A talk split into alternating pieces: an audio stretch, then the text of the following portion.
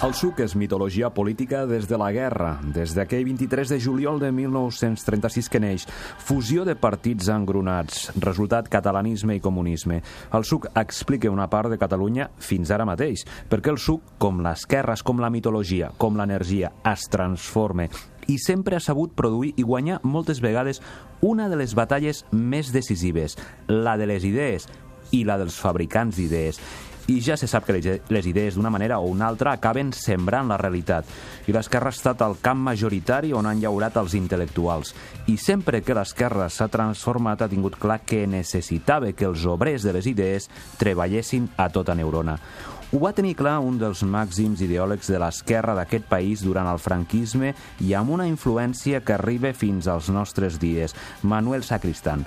El filòsof, el professor de la Universitat de Barcelona, un dels principals homes del suc a la clandestinitat, però sobretot ideòleg d'un suc que va aconseguir hegemonitzar i absorbir l'esquerra en un moment esquerra sopa de lletres.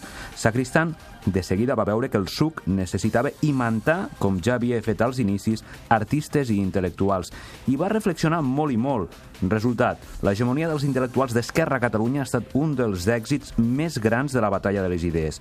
Sacristan i aquell suc del franquisme i la transició aconsegueixen que artistes que van de Joan Brossa Josep Guinovar, Antoni Tàpies, Sergi Aguilar, pintin per a l'esquerra pintin per al partit i pintin un skyline ideològic que forme part de la memòria d'aquest país. Fàcil, s'ha de pintar l'escenografia de la societat perquè així veurà només el que es pinti. Sacristan creu, com el seu admirat Gramsci, que al posar la cultura com a element primordial de la lluita comunista fa que les arts floreixin al seu voltant la manta ideològica que ho cobreix tot.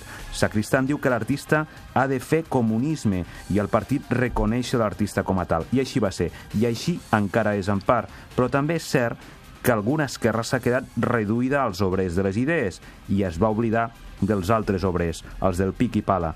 Però una altra esquerra ja els ha recollit, és clar, gràcies a uns altres obrers de les idees. Doncs sí, és cert, una història com sempre molt interessant. Gràcies, Francesc, que no ens retrobem d'aquí no res.